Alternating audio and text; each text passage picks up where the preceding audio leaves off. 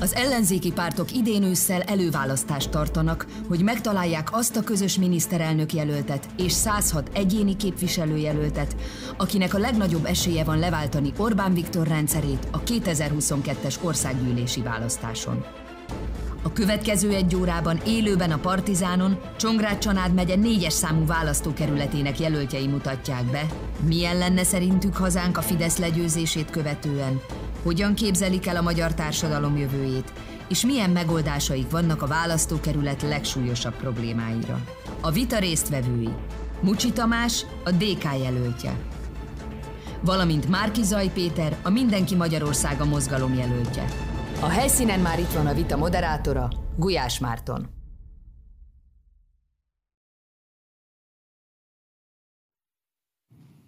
Köszöntöm nézőinket, szervusztok! Élőben jelentkezünk Hódmezővásárhelyről, ahol folytatódik a Partizán által szervezett ellenzéki előválasztási vitasorozat.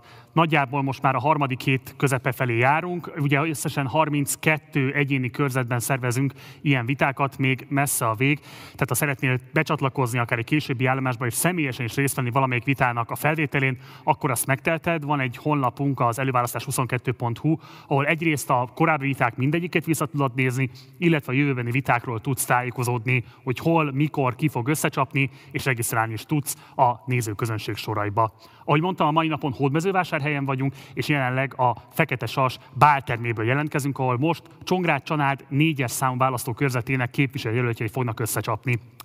A médiapartnerünk továbbra is a 444, tehát nem csak a Partizán felületein, hanem a 444 felületein is lehet követni a vitákat.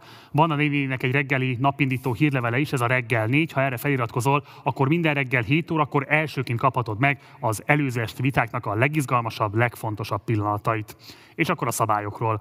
Mindkét képviselőjelöltnek azonos időkeret áll rendelkezésére a gondolatainak a kifejtésére. Lesz egy nyitó, illetve egy záró beszéd. Ezen nyitó, illetve záróbeszédek elmondása során a másik képviselőjelöltnek nincs lehetősége közbevágni.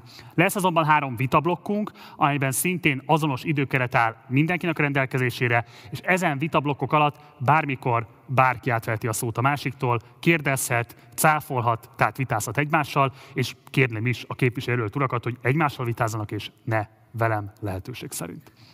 Köszönöm szépen, tiszták a szabályok? Igen. Igen. Köszönjük szépen, akkor kezdődjön a vita, következnek a nyitóbeszédek.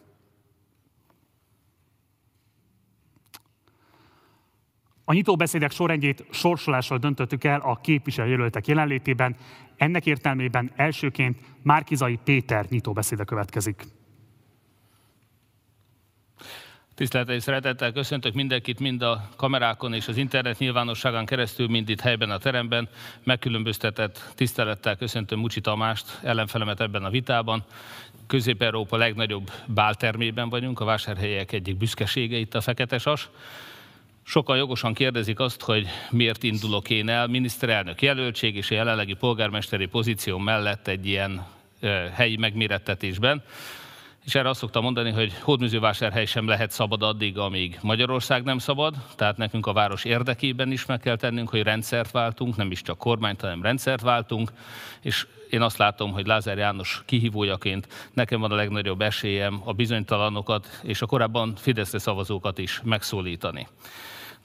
Minden egyes mandátum számít. Nagyon fontos az, hogy minden egyes körzetet el tudjunk hozni, amit csak el lehet hozni a Fidesztől a 2022-es áprilisi választáson. A 22-es áprilisi választás pedig most az előválasztáson fog eldőlni. Nagyon fontos az, hogy mindannyian menjenek el szavazni, adják le szavazatukat az előválasztáson. Az országban több mint 700 helyen vannak sátrak itt Hódműzővásárhely főterén is, Makón is. Állandó sátor van, és a körzet többi településen pedig egy-egy mozgó sátor van. Nagyon fontosnak tartom azt, hogy mi már hódműzővásárhelyen bizonyítottunk. Ezt a más kultúrát szeretnénk meghonosítani országosan is. Korrupciómentes tisztességes országot akarunk, ahol a becsület mellett a tehetség és a teljesítmény határozza meg, hogy ki jut előre, és nem a pártkapcsolatok, nem a pártpolitika. Pártfüggetlen jelöltként ezért indultam el nem csak miniszterelnök jelöltként, hanem itt helyben Lázár János esélyes kihívójaként is. Nekünk nagyon fontos, hogy ezt a körzetet is meg tudjuk nyerni, és a térséget szabadítsuk fel. Hódműzővásárhelyet már felszabadítottuk, most nagyon fontos, hogy vásárhely érdekében is a teljes választó körzetet tudjuk elhozni Lázár Jánostól és a Fidesztől.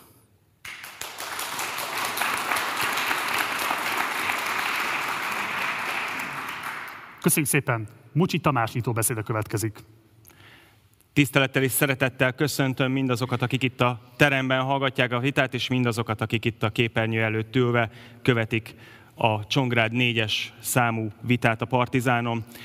Igen, Péter elmondta, bizonyítottunk. Valóban bizonyítottunk Hódmezővásárhelyen mindannyian, hiszen Péter DK-s támogatással lett polgármester, és én azt gondolom, hogy ma a Demokratikus Koalíció és Dobrev Klára a kulcsa annak, hogy ebben az országban változás legyen.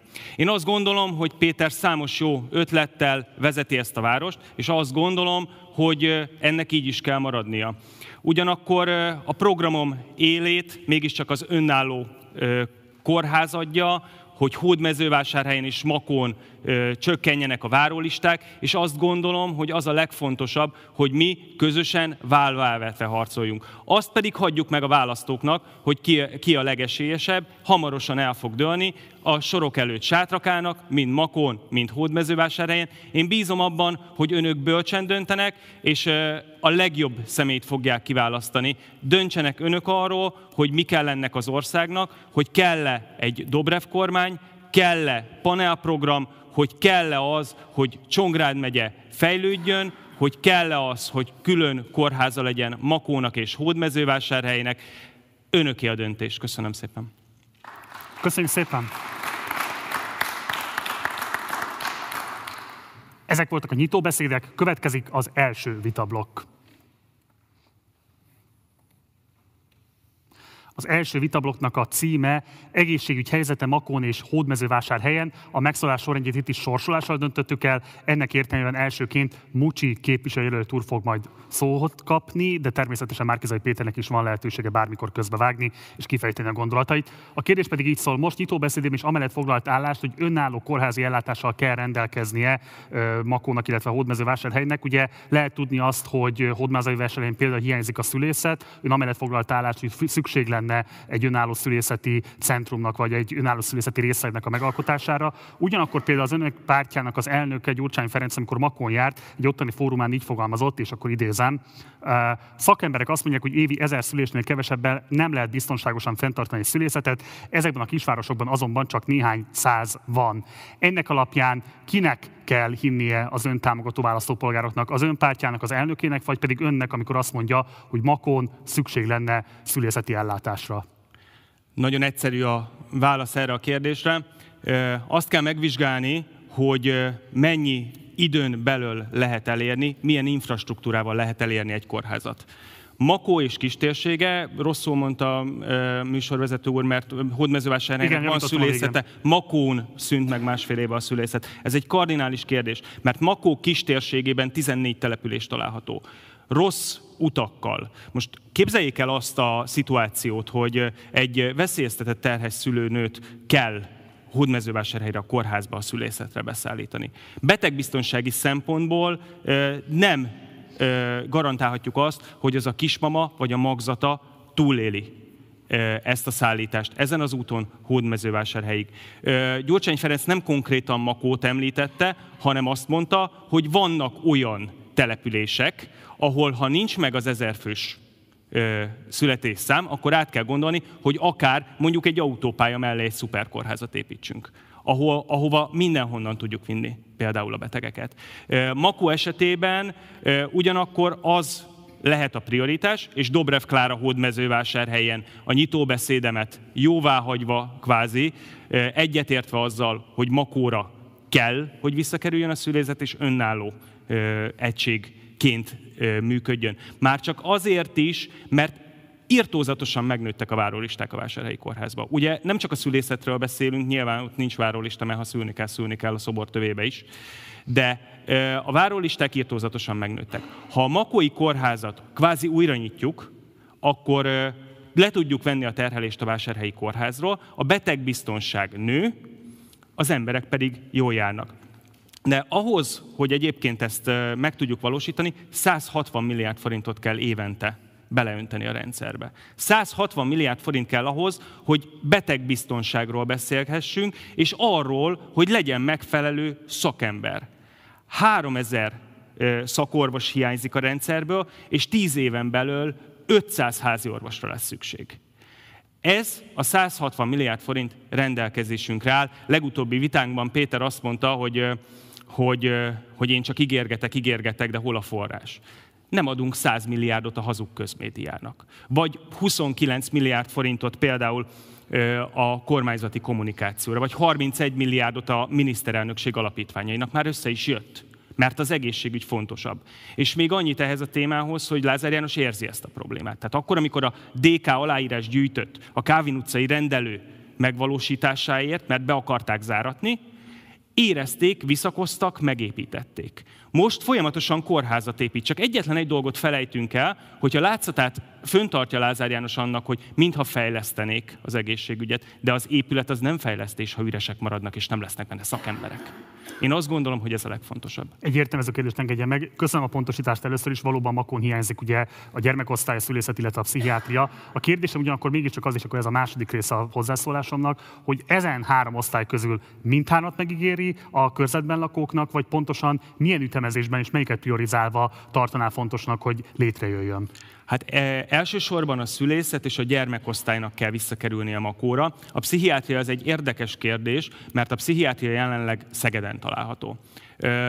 Én annak se vagyok ellene, hogyha e, itt találjuk meg a helyét Hódmezővásárhelyen, akkor legyen a pszichiátriai osztály Hódmezővásárhelyen. E, ez, e, tehát ez nem vita kérdése, ez igazándiból orvos szakmai kérdés. E, legnagyobb szerencsénkre ugye dr. Komáromi Zoltán például a DK szakpolitikusaként ebben jó segítséget tud nyújtani, hiszen ne higgyék azt, hogy egy országgyűlési képviselő e, mindenható. Az a lényeg, hogy jó stáb legyen mögöttünk, hogy a szakpolitikai kérdésekben e, tudjunk együtt dolgozni, és megfelelő tanácsok mentén. Utolsó értelmező kérdés, ugye Gyurcsány Ferenc úgy fogalmazott, hogy ezernyi születésszám alatt, éves születésszám alatt nincs értelme önálló szülészeti osztálynak. Mekkora születésszám akkor, ami ön szerint indokolja az önálló szülészeti osztályt? Hát ez most egy nagyon jó kérdés, mert a statisztikai számokat nem tudom pontosan, de ezer alatt van. Ez...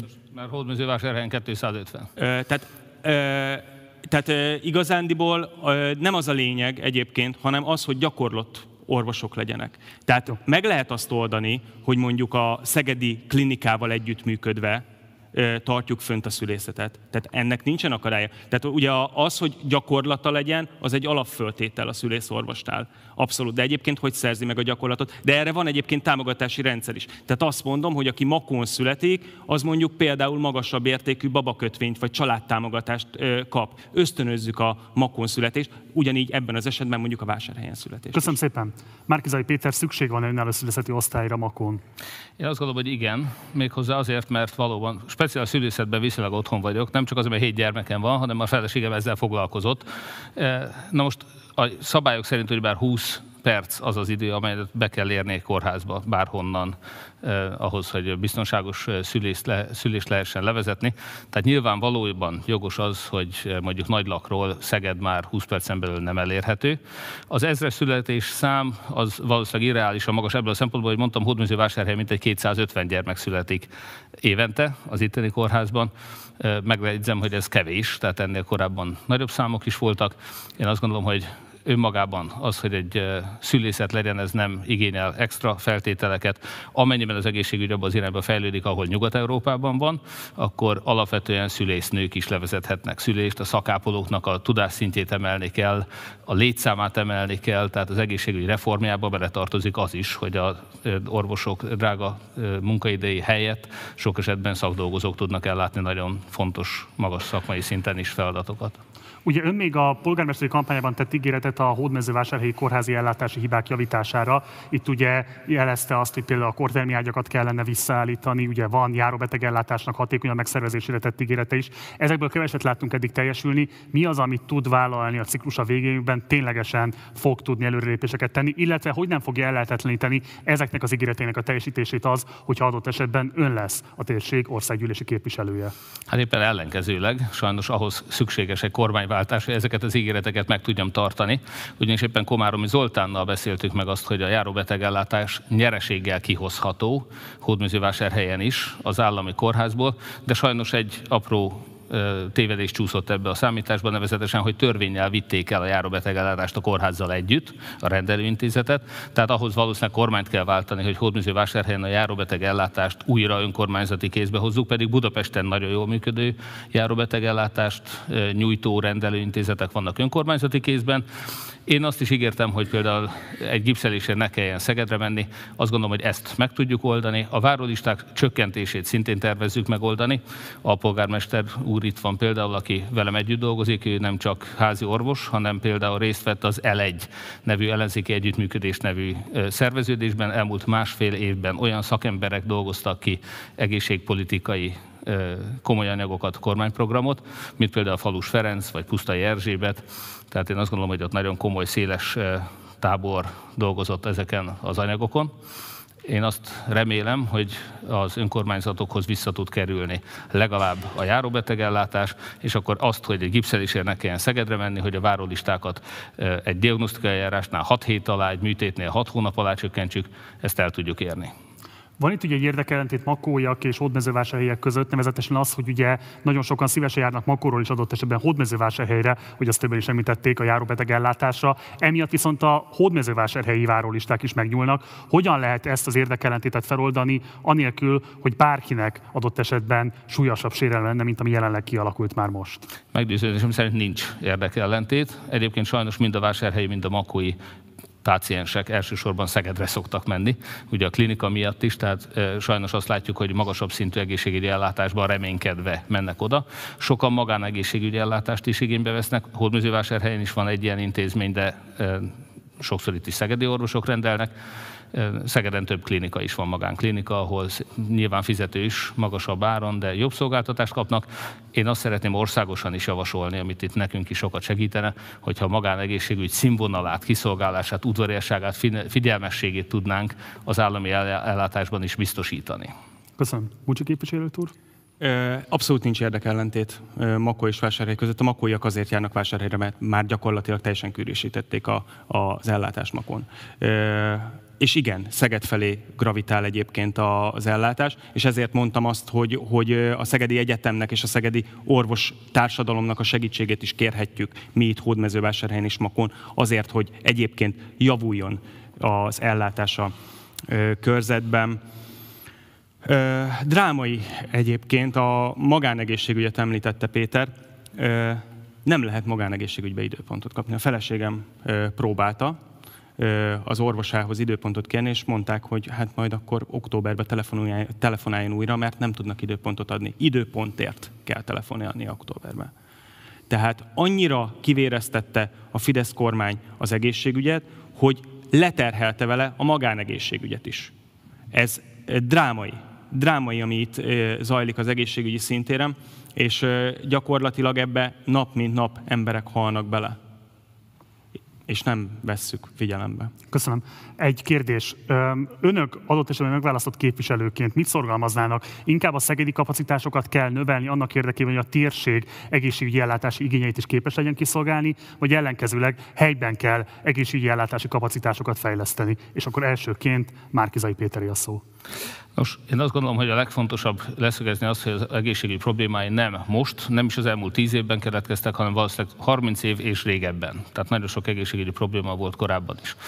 A kapacitások racionalizálása, ez a közlekedési hálózat fejlesztésével gyorsabban elérhető csúcskórházakkal valóban javítható. Vannak olyan ellátások, ahol ez racionális, tehát nyilvánvaló mondjuk a személyzet, fülészet és nagyon sok más terület is ütemezhető műtétek, ott a szakértelem, a körülmények biztosítása fontosabb, mint a sürgősség, hiszen most is várakozni kell sokszor hónapokat, mondjuk egy ortopédiai műtétre, és a többi. Tehát ezekben az esetekben például Szeged ideális hely. Tehát ott egy csúcskórház, egyetemi klinika van, megfelelő szakemberek, professzorok, minden segítség rendelkezésre áll, tehát nem is szeretnénk, hogyha ezt Hódműzővásárhelyen kellene, ne Isten kevésbé rutinos szakemberekkel megoldani. Igen, erre ott van Szeged. Ami a legfontosabb, és sajnos ezt még a Gyurcsány kormány is annak idején elhibázta, hogy sürgősségi betegellátás viszont mindenütt legyen, mert ott az életeket fogja megmenteni az, hogy van a közelben megfelelő ember, megfelelő szakember, és természetesen maga az a kapacitás is, az SBO, sürgősségi betegellátó osztály. Tehát én nagyon fontosnak tartom azt, hogy elsősorban ilyen jellegű kezelés legyen. Egy szülészet is egyébként tulajdonképpen megoldható, tehát az sem az a kategória, aminek feltétlen Szegedre kellene menni egy szülészetért, ami sürgős beavatkozás, azokat minél közelebb kell kezelni, ami pedig magas szakmai szintet és ritkán elvégzett nem rutin műtéteket illeti, ott mindig a legfontosabb tudáshoz, kapacitáshoz kell igazítani a helyszínt. Köszönöm szépen.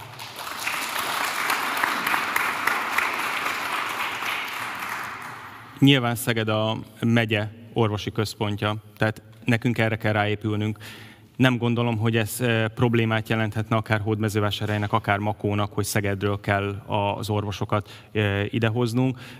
Nyilván, hogyha belerakjuk a rendszerbe ezt a az évi 160 milliárd forintot, amiről beszéltem, akkor az elegendő lesz arra, hogy ezek a, az orvosok, ezek a szakdolgozók, szakápolók motiváltak legyenek arra, hogy esetleg 30 kilométert utazzanak egy jó minőségű úton, egy jó minőségű tömegközlekedéssel. Köszönjük szépen. Ezzel a 160 milliárddal mondjuk vitatkoznék, ez egy nagyon optimista megközelítés, ennél valószínűleg jóval több pénz kell, csak a béremelésekre is lényegesen nagyobb összegeket lehet szánni, nem beszélve nyilván az egyéb kapacitásokról, amit létre kell még hozni. Márkizai Péternek maradt még egy perce ebben a vitablogban. Kérdezem a képviselőt urat, hogy kívánja használni az időkeretét. És ezt nem lehet átvinni a következő témára? Nem, ezt csak most lehet felhasználni. Igen, rendben van. Akkor én annyit szeretnék elmondani még a kedves jelenlévők és az interneten figyelők számára, hogy az egészségügy az az Orbán kormány elmúlt 11 évének az egyik katasztrófa sújtotta területe az oktatás mellett. Ez a két terület az, ahonnan a legtöbb forrást vontak ki. Az Európai Unióban a GDP arányos költések a legalacsonyabbak ezeken a területeken, vagy az egyik legalacsonyabbak, és az elmúlt 10 évben ez rendkívül módon csökkent is. Ha csak az egészségügyi dolgozóknak a bérét nézzük, Botos Katalin, akit nem lehet baloldali elhajlással vádolni, kimutatta azt, hogy 2010-ben még csak 10%-kal volt az egészségügyi dolgozók bére az átlagbér alatt, most 2020-ra, tehát egy évvel ezelőttre ez 40%-ra nőtt. Tehát óriási lemaradás volt az egészségügyi dolgozók bérében. Nem véletlenül a Covid-nál az óriási halálozási arány, hiszen az egész világon a második legtöbben haltak meg Magyarországon, ennek az egyik összetevője is ez volt, és nem véletlen kellett megemelni az orvosbéreket.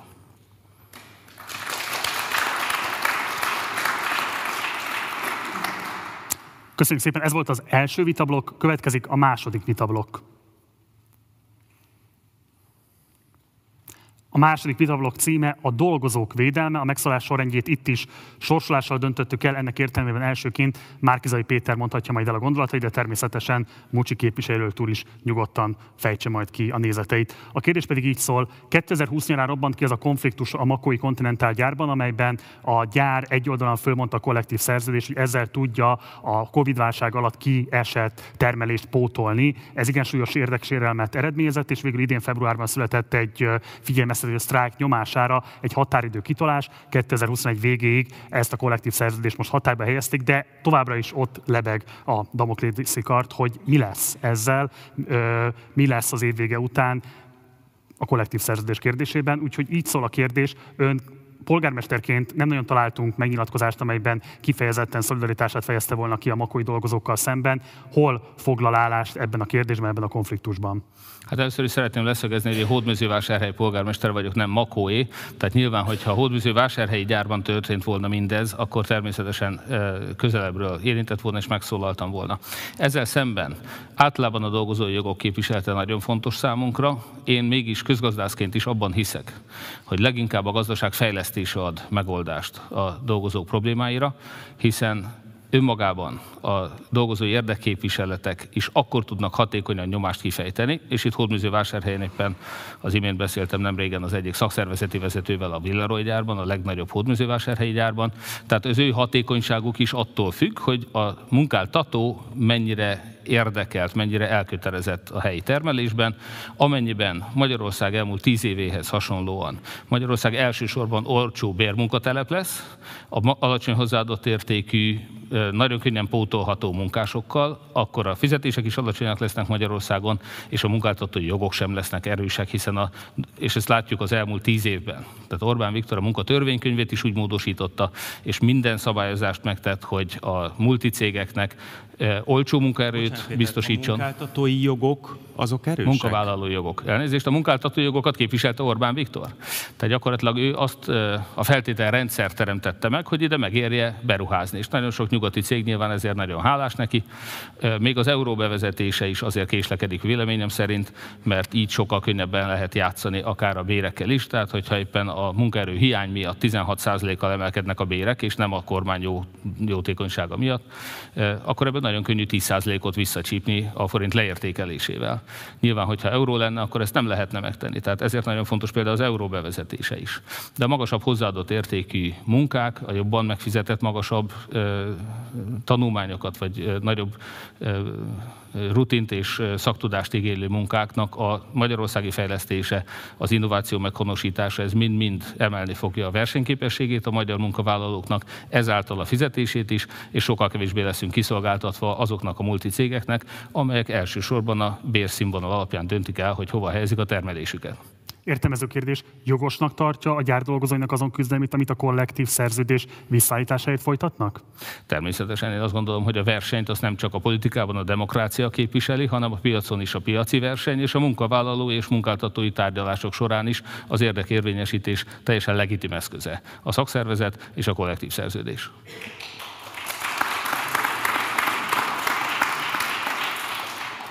Milyen szolidaritást vagy milyen fellépést tud biztosítani a gyárdolgozói számára akkor, amikor ez a kollektív szerződés le fog járni, és ott lesz egy olyan helyzet, hogy újra kell tárgyalni, vagy elfogadni a gyárnak a diktátumát. Mit tud neki üzenni innen most?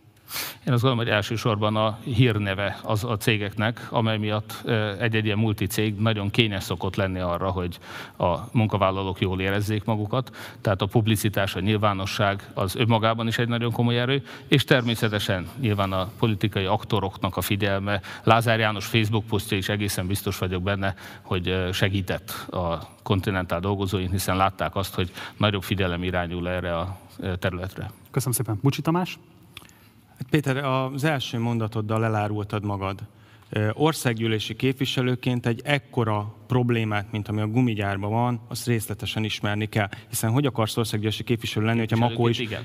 kis térségét nem tudod képviselni. Ezekről a dolgokról tájékozódni kell. Én nem voltam rest, és fölhívtam a szakszervezet vezetőjét tegnap, és megkérdeztem, egyébként szoktunk beszélni, és megkérdeztem, hogy mondd el nekem, hogy, hogy nektek mi a legnagyobb problémátok, mert unásig ismerjük a, a túlóra túlórára vonatkozó passzusokat. És ilyen dolgokat említett nekem például, hogy, hogy azt mondja, hogy képzeld el, hogy a munkáltató az az utolsó pillanatig is a műszakbeosztást azt a, tudja változtatni. És mondja nekem a példát, hogy képzeld el azt, amikor beutazik egy óra hosszát a makói gyárba a munkavállaló, és azt mondják neki, hogy bocs, ma nincs munka és majd hazautazik egy órát, és nem kap érte kárpótlást. Persze ennél ugye nyilván vannak súlyosabb problémák is. A 2006-os gazdasági válság hatásai 2008-ra gyűrűztek be a Makói gumigyárba, amikor is kiderült, két év vizsgálat után derült ki, hogy csoportos létszámleépítést hajtott végre szabálytalanul a gyár. A munká, munkavállalónak meg van 30 napja jogorvoslatot kérni, hogyha szabálytalanságot észlel. Hiába derült ki két év múlva. Szóval olyan, olyan problémák vannak a gyárban, amik, amik egyszerűen egy új törvényel kezelhetőek csak. Egy új munkatörvénykönyvet kell alkotni, és egyébként nem akarja a szakszervezet se visszaállítani a régi kollektív szerződést. Egy új, modern, jó kollektív szerződést akar, ami a munkavállalók érdekeit védi. Mert ö, most és, ö, nyilván nem tudunk pontos adatokat, mert a gyár nem szolgáltat pontos adatokat. Na de hát azért ismerem az embereket, tehát akkor, amikor elküldték Pistát, Jóskát, Ferit, akik egyébként ott sztrájkoltak, és 20 éve ott dolgoztak a gyárba, és most hirtelen a létszám leépítéssel elküldték őket. És akkor itt kérdezem én, hogy egyébként ott van a munkaerő kölcsönzés szabály, ami ugye arra jött létre, hogy hirtelen tudjanak föltölteni, vagy szükség szerint a gyártás miatt leépíteni a munkavállalói létszámból. És nem azt az olcsó munkaerőt küldi el, nem azt a munkaerőt küldi el, aminek egyébként néhány hetes fölmondással végkielégítés nélkül föl tud mondani, hanem elküldi a régi 20 éves dolgozókat, akik ott sztrájkoltak. Ez, ez elképesztő és elképesztően pofátlan. És ez ellen tenni kell, és e, e, nyilván e, dolgozunk ezen az ügyön, hiszen e, e, számos, tehát számos jó szakember, most a Nemes Gábortól kezdve a Kordás Lászlóig, e, aki ugye most csatlakozott a Demokratikus Koalícióhoz, vagy említhetném Mezei Zsoltot a Dunaferből, ők mind-mind-mind a mi háttércsapatunkban dolgoznak, azért dolgoznak, hogy a munkavállalók és a munkáltatók jogait is úgy képviseljük, egy egységes szabályozásban, hogy senki ne járjon rosszul. Mert jelen pillanatban a munkáltató túlhatalmat kapott, a munkavállaló pedig le van e, tolva. Egyértelmű ez a kérdés, engedjen meg. Ugye a multinacionális vállalatok Magyarországra csábításának két eszköze volt az Orbán kormány kezében. Az egyik ugye a különböző nagyarányú állami támogatásoknak a megítélése, a másik pedig pont az a fajta flexibilis és kifejezetten kártékony munkai törvénykönyve, ami lehetővé tette azt, hogy igen komoly kiszolgáltatottsággal lehessen foglalkoztatni a dolgozókat. Ugye pont maga Szijjártó Péter ismerte, hogy például a német nagy tőke kérte tőle azt tőlük Magyarországtól, hogy legyen egy sokkal rugalmasabb foglalkoztatási keret, ugye ennek lett eredménye a rabszolgatörvény. Na most jövőre még a mértékadó közgazdászok szerint is recesszió várható Magyarországon, tehát ha lesz is kormányváltás, egy olyan gazdasági környezetben kell helytállni, ahol nem biztos, hogy lesz a magyar kormánynak olyan mozgástere, hogy sokkal erősebb biztosítékokat kínáljon a munkavállalók számára. Mi az az ígéret, amit felelősséggel meg lehet most tenni ebben a vitában, ami tartató is lesz akkor, hogyha ön lesz a térség országgyűlési képviselője? Nézze, a leépítések ellen tenni nem tudunk. Azt, tudu, azt tudjuk tenni, hogy egy szociális hálót nyújtunk azoknak az embereknek, akik átmenetileg a munkájukat veszítették mert jelen pillanatban nincsen szociális háló, és hogyha megnézzük egyébként a munkaügyi statisztikákat, az látszik belőle, hogy három hónap után kikerül a rendszerből, vagy esetleg még regisztrál, hogy hát a kap valami képzést, majd hat hónap után kikerül a rendszerből az ember, és az nem számít bele a statisztikába. Nekünk nem adatokat kell hamisítani, hanem tudnunk kell, hogy hány emberen kell segíteni. És persze, emellett támogatni kell a munkavállalói oldalt, a munkavállalói oldalt úgy, hogy olyan körülményekre kötelezzük a munkáltatót, hogy jó legyen ott dolgozni. És a munkáltatókat pedig nyilván a gazdasági teljesítmény függvényében támogatni kell abba, hogy minél több munkavállalót megtartson. Egy saját példát hadd mondjak. Azt mondták, hogy a vendéglátó helyeket, a szállás helyeket ugye támogatta a pandémia alatt a kormány. Hát nagyon érdekes módon mi vállalkozásunknak egy részében található egy ilyen szálláshely. Mi nem küldtük el az alkalmazottakat, de nem kaptunk egy büdös vas támogatás sem, mert van a cégünknek egy másik üzletága. És úgy gondolta a kormány, hogy majd abból kitermeljük.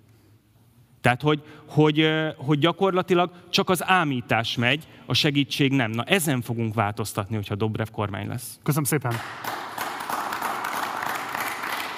Márkizai Péter, ez ugyanaz a kérdés, tehát hogyan lehet nem elidegeníteni azt a multinacionális tőkét, amely ugye pont amiatt jött Magyarországra, mert részben nagy arányú támogatásokat kapott, részben pedig rendkívül flexibilis volt a foglalkoztatási környezet, és jövőre recesszió várható. Milyen változtatás lehetséges, ami védi a munkavállalókat, de közben nem veszélyezteti ezeknek a telephelyeit? Igen.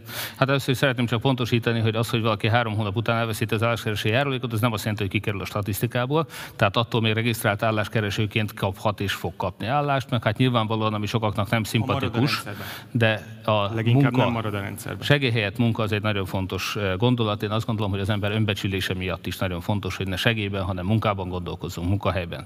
És ebben az államnak természetesen nagy feladata van. Nyilván a munkavállaló jogok tekintetében nem követendő példa az Egyesült Államok, de az én ottani életem során én a helyi munkaerőfejlesztési bizottságnak felügyelőbizottsági tagja voltam, és még ebben az országban is, ahol nem a nagy arányú állami támogatások a jellemzőek, de a válság idején, és ugye 2009-ben ott már válság volt, 2008-ban már válság volt, minden vállalatnak a munkaerő megtartáshoz, munkahely megtartáshoz célzott támogatásokat tudtunk adni. Én azt gondolom, hogy egy recesszió esetén anticiklikus gazdaságpolitikát kell folytatni az államnak, tehát nyilvánvalóan akkor kell bespájzolni, amikor szalad a gazdaság, ezt Orbán Viktor sajnos elhanyagolta, és a recesszióra fölkészülve tartalékokat képezni, amit a recesszió esetén kell kifizetéseket eszközölve munkahelyeket megtartani. A Covid, ha már megemlítette Tamás a Covidot, hihetetlen az, hogy Magyarországon, bár itt is voltak egyébként munkaerő vagy munkahely megtartási támogatások, de jóval kisebb mértékben, mint például Ausztriában, nyilván nem egyenlő összehasonlítási alap. Tehát nagyon fontos lenne, hogy a kormány okosan, felelősen gazdálkodjon, bespájzoljon, és nem elszálló deficittel kiürítse a kasszát, mint amit most Orbán csinál, bespájzoljon, tartadékoljon arra az esetre, amikor majd az állami támogatásokra van szükség a munkaerőpiacon is, illetve a cégek fenntartásánál is.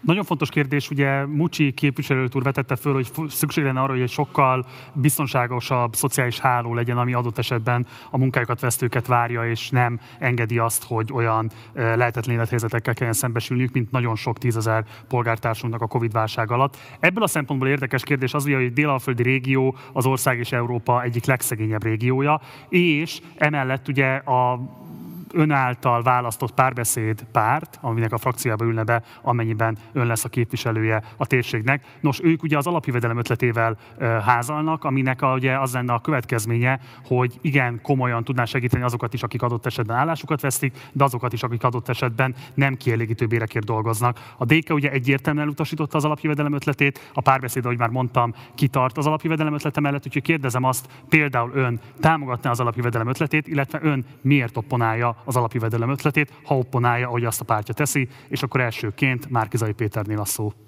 Köszönöm szépen. Nos, én magam az alapjövedelem ellen már többször felszólaltam személy szerint, de azt is tudni kell, hogy a párbeszédnek a javaslata valójában nem is alapjövedelem. Ez a Universal Basic Income koncepció ugyanis, az arról szól, hogy mindenki kapna, mondjuk adott esetben a javaslat szerint 100 ezer forintot minden egyes hónapban, független attól, hogy dolgozik vagy nem, szegény vagy gazdag, tehát ez egy tényleg általános alapjövedelem.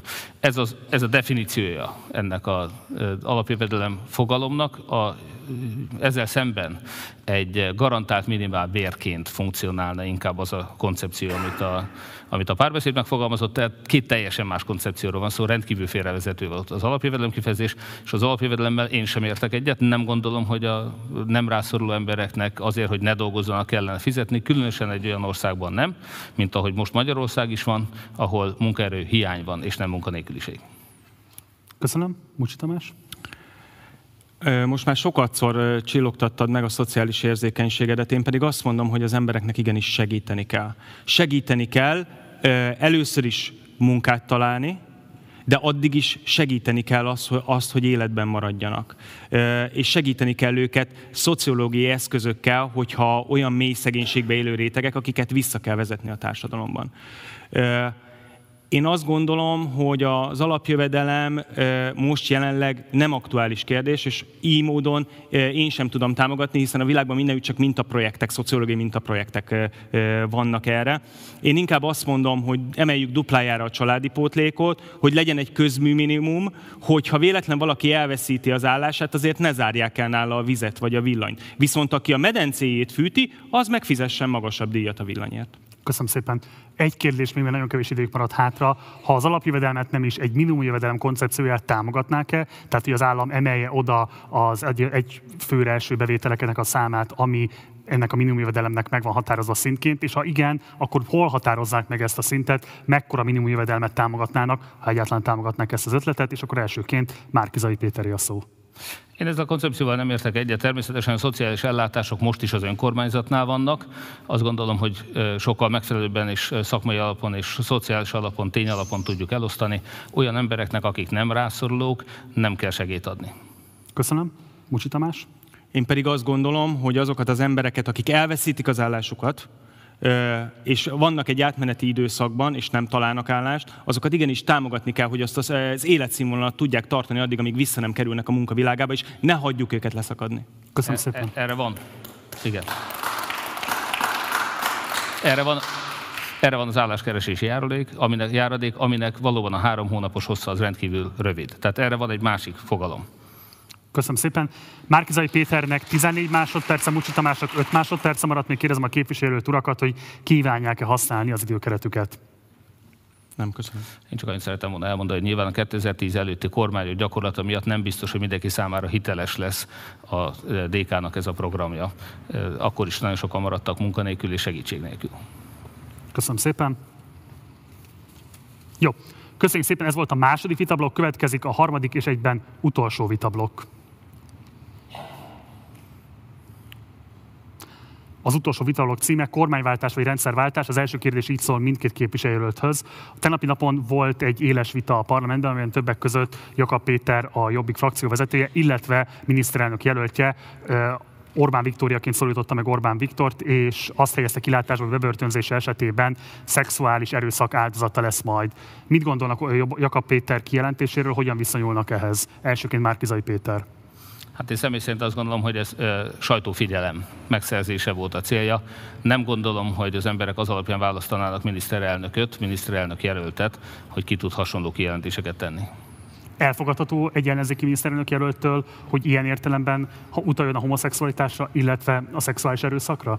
Egyik sem elfogadható, és azt gondolom, hogy a méltósággal, az emberi méltósággal, de egy politikusnak és egy e, nagyon magas politikai tisztségre pályázónak a méltóságával sem célszerű ezt összeegyeztetni. Én azt gondolom, hogy tiszteljük egymásban az embert, az ellenfelet, és tiszteljük egymásban magunkat. Mert aki valaki mást ilyen e, szólamokkal és ilyen gondolatokkal támad, az saját magát sem tiszteli. Köszönöm szépen, Mucsi Tamás.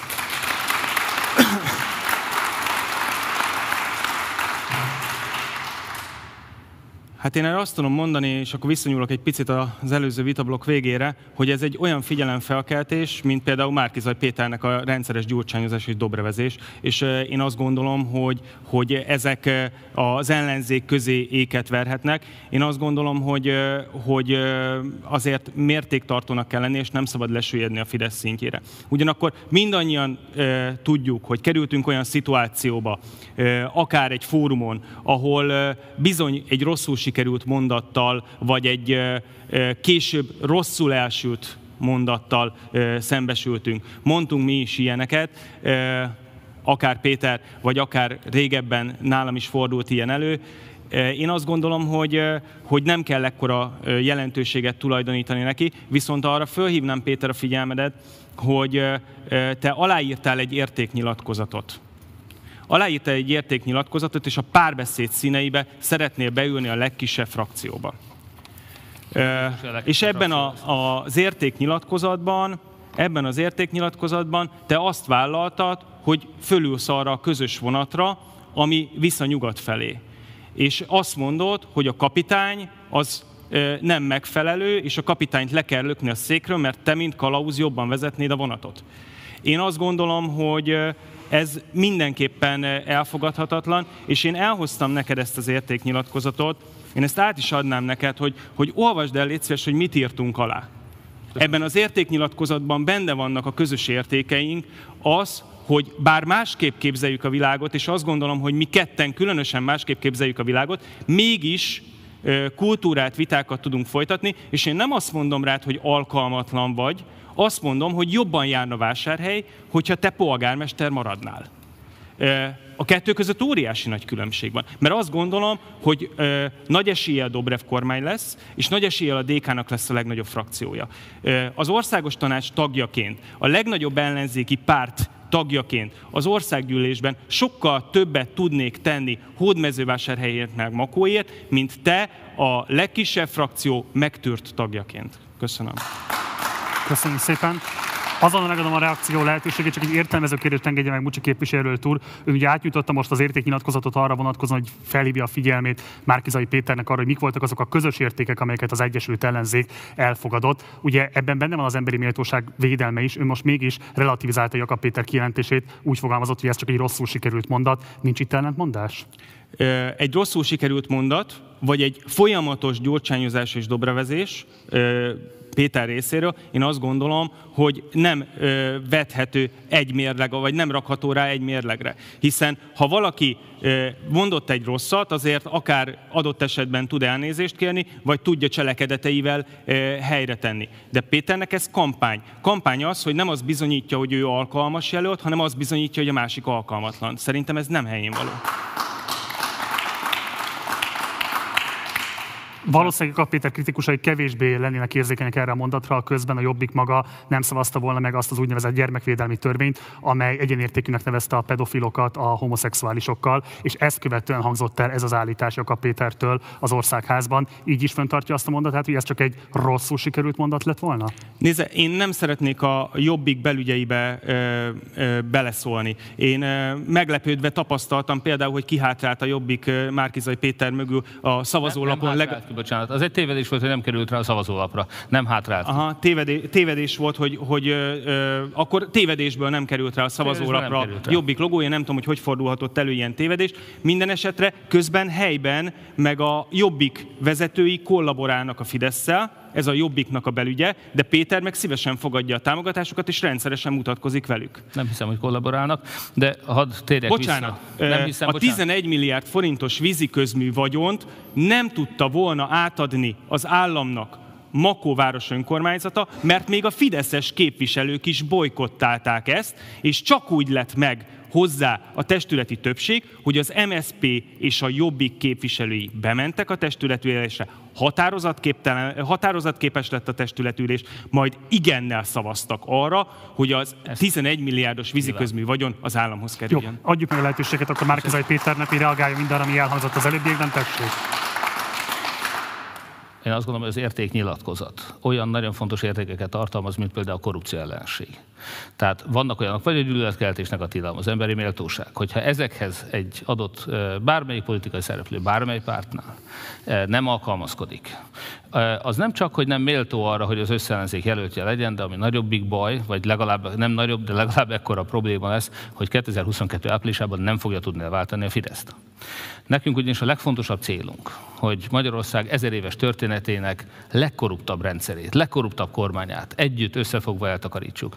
Hogyha én gyurcsányozni szeretnék, akkor természetesen meg tudnám ezt tenni, hiszen a 2010 előtti kormányokat innentől napestig tudnánk kritizálni.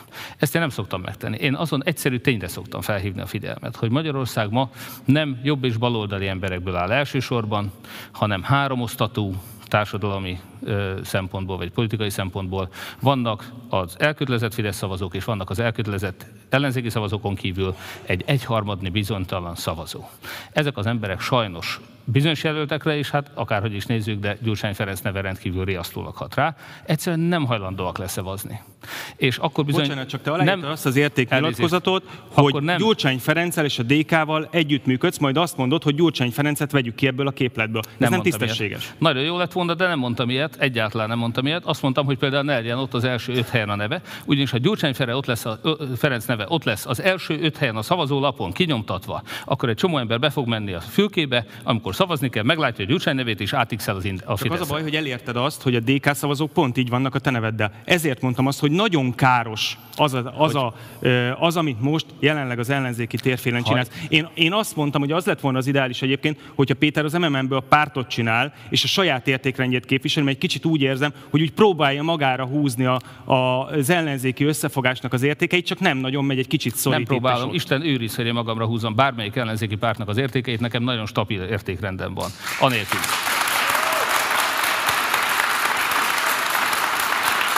És, és szemben, szem, szemben a pártjelöltekkel. Nem érzed azt én akkor, kimondhatom hogy az igazat. Én kimondhatom az igazat. És hogyha én valóban arra törekednék, hogy népszerűségi versenyt nyerjek, akkor nem gyurcsányoznék. De én nem erre törekszem, én Orbán Viktort akarom leváltani. És Orbán Viktor leváltásához valakinek ki kell mondani az igazságot, mert az a probléma, hogy ha itt Dobrev kormányról álmodozunk, akkor Orbán kormányt kapunk cserébe.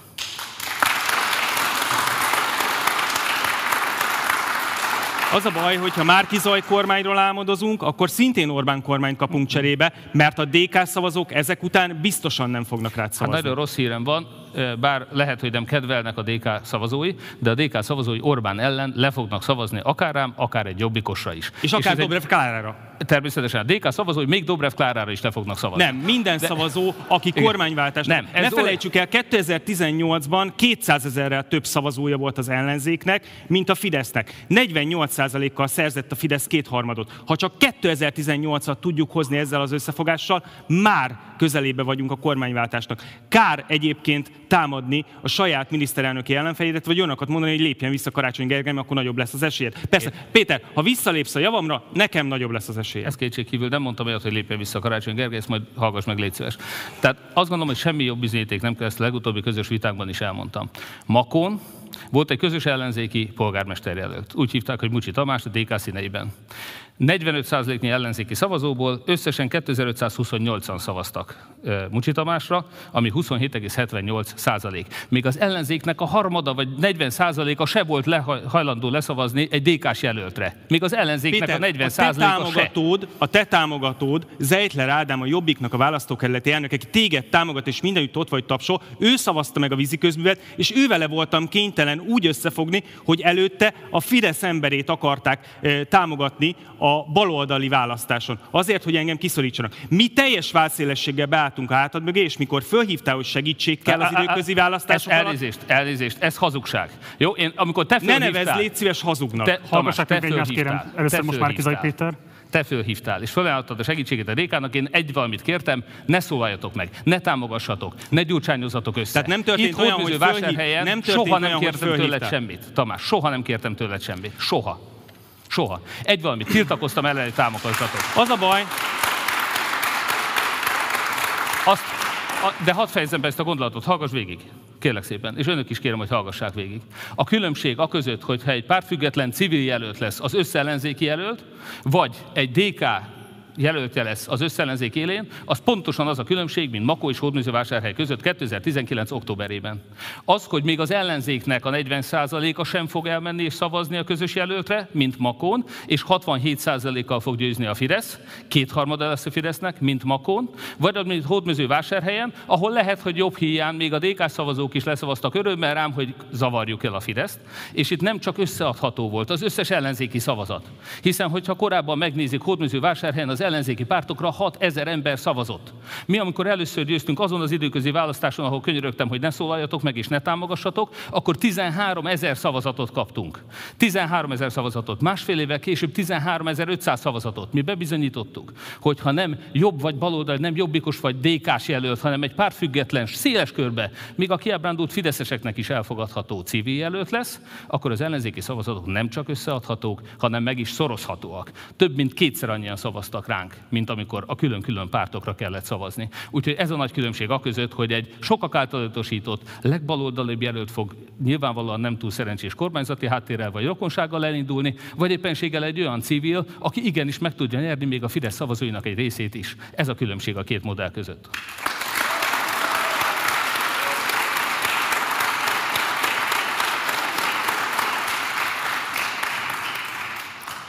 Tudod, én voltam civil. Te összepolitikáztad a civileket, és ez egy nagyon csúnya dolog. A civilek azok valóban pártfüggetlenek. De te nem vagy pártfüggetlen, neked van egy értékrended, amit ki is mondasz. Csak nem találsz hozzá pártot. Akkor csináljál egyet. Ne haragudj, mi itt nem vitázunk, hogyha akkor azon az időközi választáson a DK indít egy polgármester jelöltet veled szembe. Tehát a DK-nak a támogatása nélkül te nem vagy polgármester Miért nem vásárhelyen. Indított? Miért nem indított? Miért nem indított? Azért, mert az volt a cél, hogy megvalósítsunk egy olyan közös ellenzéki összefogást, amelyel végre visszavehetjük egy megyei jogú városban a hatalmat. Soha nem visszavettétek, mert ebbe a városba egy DK soha nem nyert, soha nem is fog. Azért, azért nem indítottak. Elmondom, Azért nem indítottak sem ti, sem más jelölt, mert egyrészt nektek nyerhetetlennek tűnt hódműzővásárhely minden alappal, másrészt, hogyha akkor elindítottatok egy DK-s jelöltet, az országgyűlési választások előtt 6 héttel bebizonyította volna, hogy alig néhány szavazatot kapott volna, és senki nem szavazott volna a DK-ra áprilisban. Tehát ezért nem indítottatok jelöltet, mert akkorát buktatok volna, hogy szégyen lett volna.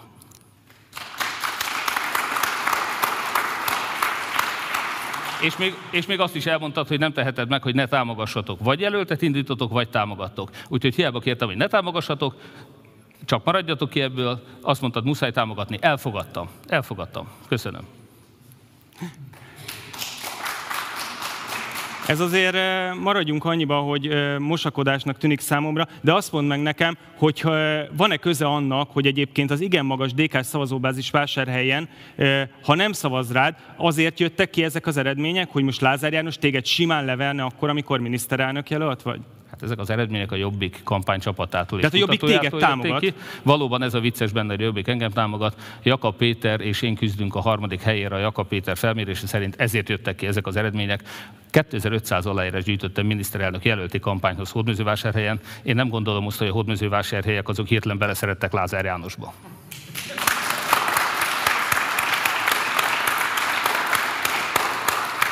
Musi Tamásnak 9 másodperce, Márkizai Péternek pedig 6 másodperce van még. Ennek tudatában kérem, hogy tegyék meg a végső mondataikat ebben a blogban. Tamás, légy szíves akkor. De én lemondok szívesen a 6 másodpercre, és folytathatjuk. Jó, hát akkor folytassuk. Szerintem ezt a témát kiveséztük. Jó. Ez volt a harmadik és egyben utolsó vitablok, a záróbeszédek következnek. A záróbeszédek elmondásának sorrendjét szintén sorsolással döntöttük el. Ennek értelmében elsőként Mucsi Tamás záróbeszéde következik.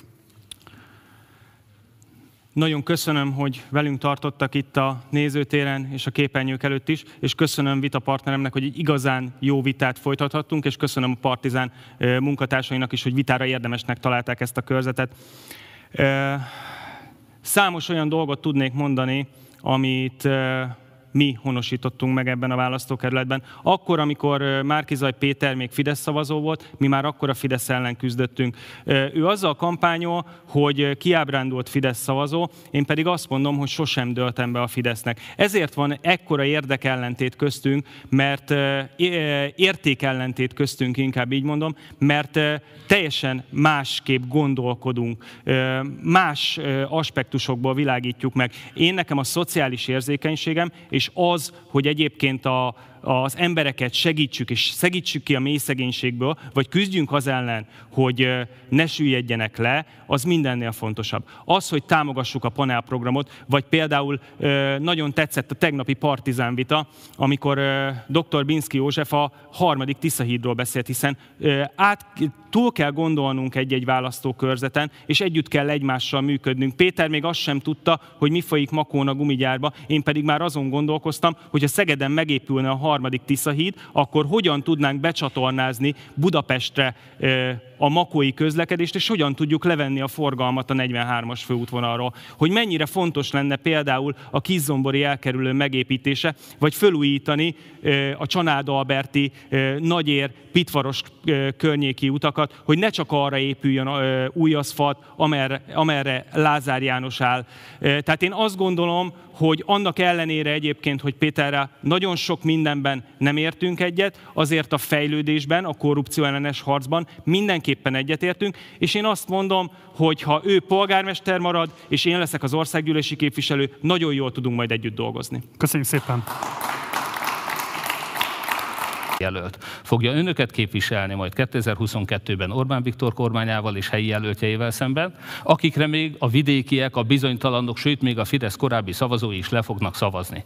Csak ilyen felállásban van nekünk esélyünk a győzelemre. Úgyhogy nagyon fontosnak tartom, hogy bizonyított, hiteles, olyan jelölteket válasszanak, akit a Fidesz nagyon nehezen tud lejáratni, akire, ahogy említettem, vidéken is és a bizonytalanok is le fognak szavazni. Ebben a körzetben csak így fogjuk tudni legyőzni Lázár Jánost, és országosan csak így fogjuk tudni legyőzni Orbán Viktort. Köszönöm.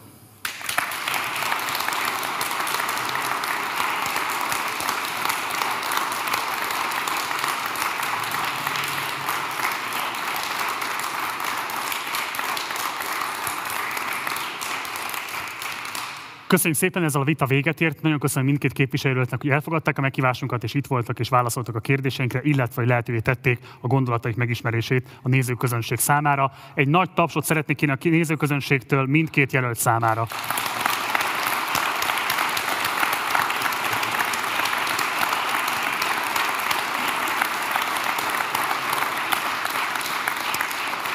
Nektek pedig köszönöm szépen a figyelmet, ez volt már a Partizán előválasztási vitája, de holnap is folytatódik. Érkezünk Orosházára, ahol este 7 órától békés négyes szám választókörzetének jelöltjei csapnak majd össze, hogy pontosan hol és hogy olyan tudsz regisztrálni, ha szeretnél személyesen is eljönni, és itt ülni a nézőközönség soraiban. Nos, ezeket az információkat az előválasztás22.hu oldalon találod meg, csak úgy, mint a korábbi viták összes felvételét. A média partnerünk továbbra is a 444, tehát nem csak a Partizán, hanem a 444 Facebook oldalán, illetve YouTube csatornáján is tudod követni az egyes vitákat. Van a 444 reggeli napindító hírlevele, ez a reggel 4, amelyben minden reggel 7 órakor elsőként küldjük ki nektek az előző napi viták legfontosabb, legizgalmasabb pillanatait, érdemes erre is feliratkozni. Munkatársaim nevében köszönöm szépen a megtisztelő figyelmet,